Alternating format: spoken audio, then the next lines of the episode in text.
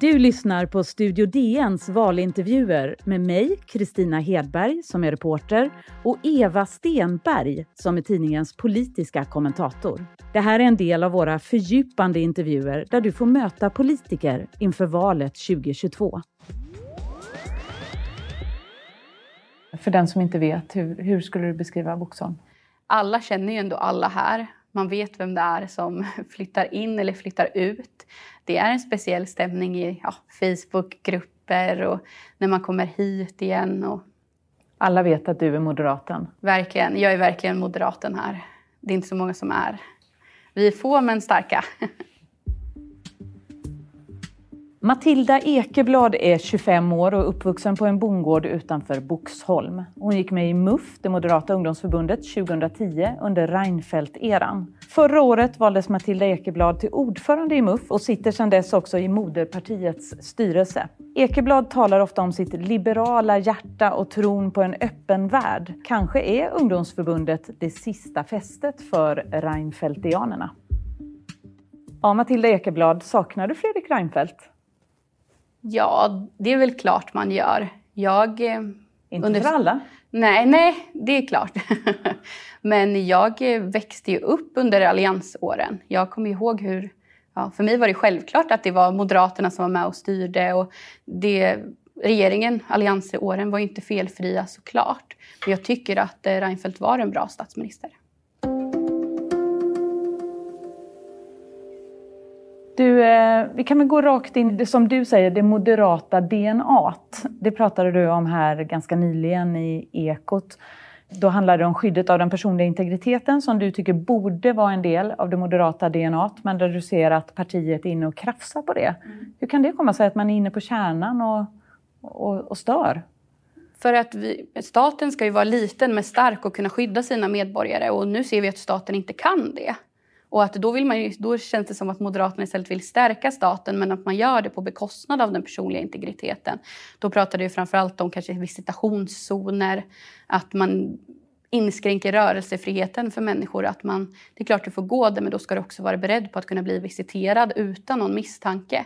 Och då tycker jag att man har tagit ett steg för långt ifrån det här att man också ska skydda människor från staten. Att den ska vara liten men stark men att människor också ska kunna leva fritt. Och framförallt rörelsefrihet, det skulle jag säga är en grundläggande. För visitationszoner är ju ett förslag från ditt parti. Mm. Men, men, eh, och det är väl en sak att ni kan tycka olika i partiet, men hur förklarar du att partiet går emot sitt eget DNA som du ser det? Det har gått så långt i Sverige. Jag håller ju med om att man måste börja se de kriminella gängen som, ja men det är ju svensk inhemsk terror som sker. Man har ju börjat ta ifrån friheten från vanliga människor. Man kan inte, gängen gör ju också så att man inte kan röra sig fritt i samhället. Att det finns samhällen i Sverige som i princip är no-go-zoner för att du måste vara beredd på att du kan bli skjuten. Det är droghandel på öppen gata, det är misshandel och det är explosioner. Och då har ju friheten begränsats för människor och då är det inte av staten utan av kanske parallella samhällen som vi ser. Och då tror jag att eh, de i Moderaterna som är för det här, vilket ändå är en majoritet just nu, tycker att man behöver ha en så pass stor stat som ska kunna slå ner på de parallella samhällen för att kunna bygga upp människors frihet igen. Men det handlar väl om hur mycket frihet man är beredd att offra för att eh, få ett fritt samhälle och från den inhemska terrorn och jag tycker väl att man går lite långt. Att det finns väldigt mycket vi kan göra innan vi börjar inskränka. Hur ofta tänker du på klimatförändringarna? Jätteofta. Men dagligen. Jag kanske inte känner så mycket ångest om jag ska vara ärlig. Jag skulle inte säga att jag har klimatångest som många andra säger att de har. Men det är ständigt närvarande och jag tycker att det har blivit eh, ännu mer sen jag blev förbundsordförande just för att man läser mer, man kanske hör ännu mer och jag försöker verkligen att jobba med frågorna. Jag vill ju att MUF och Moderaterna ska bli den gröna högern i Sverige och att vi verkligen ska bli ännu bättre. Vi har tagit små steg för att verkligen ha en bra klimatpolitik men jag ser fram emot att göra det ännu mer för att det ska vara självklart. Jag tycker att man, om man bryr sig om klimatet, att man ska gå med i Moderaterna. Och så kanske det inte alltid ser ut idag. Vad skulle vara ett stort steg, ett stort moderat steg i klimatpolitiken? Jag tror att vi måste börja prata om de konflikter vi ser, kanske framför allt mellan stad och land. Vi måste börja prata om eh, ännu mer om energipolitiken. Att så här, vad ska vi göra när kärnkraften inte är det moderna? Vi och MUF kan fastna eh, alldeles för mycket i bara prata kärnkraft. Men jag tycker också att vi måste börja prata om eh, bränsleskatten till exempel. Jag som är från landet förstår ju att det är, det är helt sjukt när det går upp till 19 kronor litern för diesel. Men vi måste också våga erkänna den liksom, målkonflikten mellan att vilja stoppa utsläppen och sänka bensinskatten. Och då måste man ju bestämma sig för vad som är viktigast. Och, och vad är viktigast för dig då? då? Du kommer från landet men mm. du pratar om klimatet. Ditt parti vill ju sänka både bensin och dieselskatt. Mm. Var står du? Kluven. Jag tycker att vi, ja, men jag förstår ju verkligen målkonflikten och jag förstår att det rimmar illa när man säger att man vill stoppa utsläppen. Men här och nu så är det många som inte skulle klara sig om det fortsätter ligga på 19 kronor liter. Man tar sig inte hemifrån ordentligt kanske. Men framför allt så blir ekonomin väldigt lidande och det kanske är livskvaliteten. Att man vill åka iväg på något som inte är ett måste, som får ryka. Kan man ta hänsyn till de sakerna då om det är en framtida värld som står på spel? Jag tror tyvärr man måste göra det i ett samhälle. Men att man måste också erkänna för sig själv att de står i konflikt och det tycker inte jag Moderaterna alltid gör. Och att vi måste börja fundera på vilken punkt när kommer vi till när man inte bör sälja bilar som, går på, eh, som inte är fossilfria? När ska man sluta med att sänka eh, bränsleskatten och när ska vi ja, men se till att eh, fler kan köpa en elbil? När ska vi satsa pengarna kanske där istället? Men det är en supersvår fråga. Men, och där tror jag vi måste bli ännu mer modiga och självförtroende i de här frågorna. Det börjar komma, men vi är inte där än. Men jag tror också det är en viktig fråga för vi ser att vi tappar i opinionen bland unga tjejer till exempel. Och där är ju klimat och miljöfrågan en av de allra viktigaste. Den toppar ju nästan jämt. Och då måste vi ha, ha fler svar än att bara skrika om kärnkraft. Tobias Andersson som leder Ungsvenskarna, han sa när vi eh, intervjuade honom att han inte litar på Moderata ungdomsförbundet. För ni är alldeles för eh, liberala, mm. för en öppen värld. Framförallt alldeles för brett spann mm. mellan vad ni tycker, era medlemmar. Mm. Har han rätt? Han har jätterätt och jag är superstolt över mitt förbund. Vi samlar allt ifrån socialliberaler till konservativa och allt däremellan. Det är libertarianer som inte tror på en stat till de som tycker att staten ska vara stark och kanske lite större.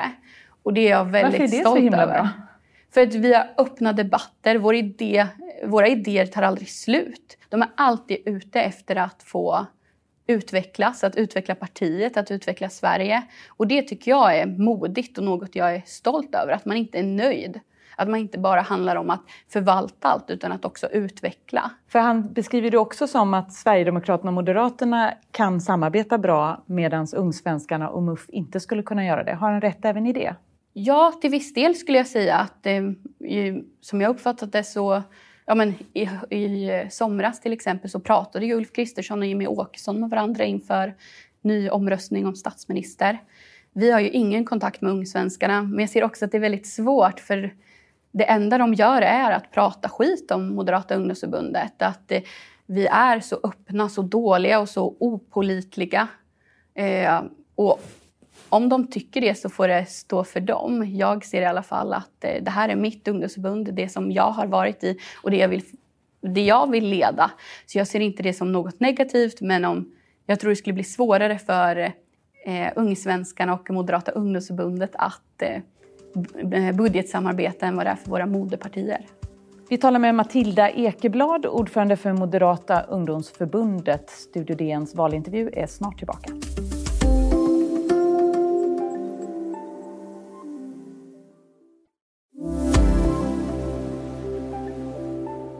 Då är vi åter med valintervjun, den här gången med Matilda Ekeblad som leder MUF. Vad skulle du säga står på spel det här valet? Vilka värden? Den trygga staten och fri och rättigheter. Vi ser att de tas ifrån i bostadsområden, i städer. Det är inte bara i förorterna i Stockholm att det är gängen som slåss mot varandra utan nu kan det vara så illa att dina barn är på fel plats vid fel tillfälle. Så jag tycker verkligen att det är tryggheten som står på spel i Sverige. Är du otrygg? Och ibland. Jag tycker att det är obehagligt att gå ute när det är mörkt. Jag tycker att det inte alltid känns bra att om man vistas i till exempel Skäggetorp i Linköping där man vet att det sker skjutningar öppet i köpcentret. Så jag kan absolut, jag har känt mig otrygg länge men att det kanske är värre framför allt kvällstid när det är mörkt och när man går i områden som man inte känner sig säker i. Har det någonsin känts tryggt? Mer eh, än nu. Nu kan det ju till och med på öppet på dagen. Det var ju lunchtid som en person sköts ihjäl i köpcentret när man satt och åt lunch. Och det har man ju inte sett riktigt innan. Och att man också har pratat om att ja, men det där är uppe i Stockholm men att nu är det ens mindre hemort. Tycker du att ditt moderparti gör rätt bedömning av eh, hur, hur de ställer sig nu i en tänkbar regeringsfråga? Ja, det tycker jag. Vi behöver byta regering mer än någonting annat just nu, anser jag. Och då får man göra vad som krävs. Det är väl klart att man kan drömma om alliansåren och när vi hade en ren borgerlig regering som hade fokus på mer frihet och lägre skatt. Nu är det kanske andra tider, vi behöver göra andra saker men en borgerlig regering med en borgerlig politik behövs. Så jag hoppas ju såklart på att eh, budgeten blir borgerlig redan i höst. Eh, så det är väl lite upp till bevis och se vad vi kan göra inför valåret. Även om det kan såklart ändra sig då med tanke på att det kommer ett nytt valresultat. För nu pratar du om det borgerliga alternativet och en borgerlig regering. Mm. Det finns ju många som kallar eh, en moderat kristdemokratisk regering eh, med stöd av Sverigedemokraterna för en, ett konservativt block. Hur känns det för dig som så ofta pratar om ditt liberala hjärta? Jag håller väl inte med.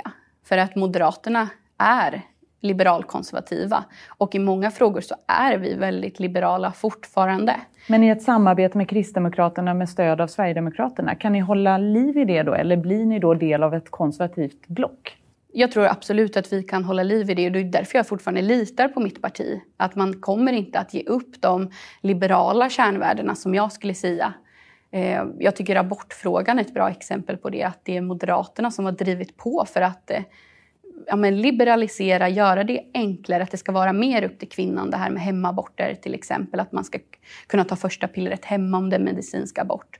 Bara sådana saker, att visa på att vi fortfarande har kvar i det här. Individen är den minsta beståndsdelen. Det tycker jag gör mig väldigt säker i alla fall. Men det är väl klart att när man läser intervjuer och eh, men också pratar och hör sverigedemokrater, de kan ju inte ha liberalismen som sin största fiende för då kommer det inte gå. För vi är inte ett renodlat konservativt parti.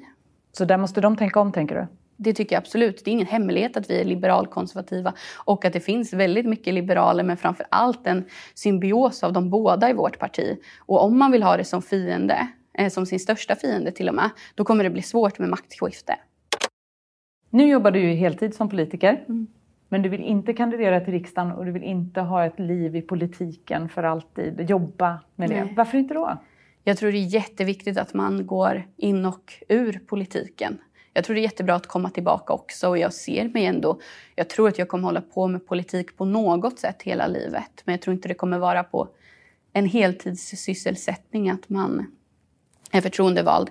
Jag vill ju istället bli sjuksköterska, jag vill jobba med barn och unga, jag vill jobba med människor. Och jag tror att man kan påverka på så många olika sätt. Eh, men att det inte är bra att fastna i, för då är man så rädd att förlora det. Och då faller man inom... Man kanske säljer sig hela tiden till majoriteten. Man vågar inte gå emot för att du har alla dina vänner i politiken kanske. Du har din försörjning i politiken. Och det tror jag är farligt. För då får vi inte modiga politiker. Var hittar du ditt mod idag då? I min familj.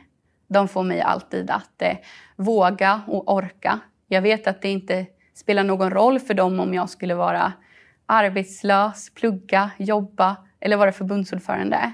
De skulle, för dem är jag fortfarande Matilda. Och det tror jag är jätteviktigt för jag vågar alltid att gå min egen väg och jag har blivit uppfostrad att alltid gå min egen väg. Att bli moderaten i Boxholm fast man blir utpekad. Eh, och det tror jag är jätteviktigt. Jag har alltid något att falla tillbaka på. Och framförallt då är det min största trygghet i min familj. Vi har ju några lite snabba frågor som du ska försöka eh, associera till. Ja. Jag ger några inledande rader så får du fylla på. Ja. Då ljög jag. Ja, nej, varje morgon då tänker jag så här, varför säger jag till alla och ljuger att jag är en morgonpigg människa? För jag vill verkligen inte gå upp idag. Jo, men jag är ganska morgonpigg, men jag, jag ångrar mig varje gång jag ska gå upp. Jag bara, varför säger jag det till människor? För då vill de träffa mig tidigt. Men annars så, jag tror man drar vita lögner mest hela tiden. Då tummade jag på mina principer. Det är nog eh, varje gång vi pratar om eh, kungafamiljen. Jag är ju för, tror jag. Jag byter.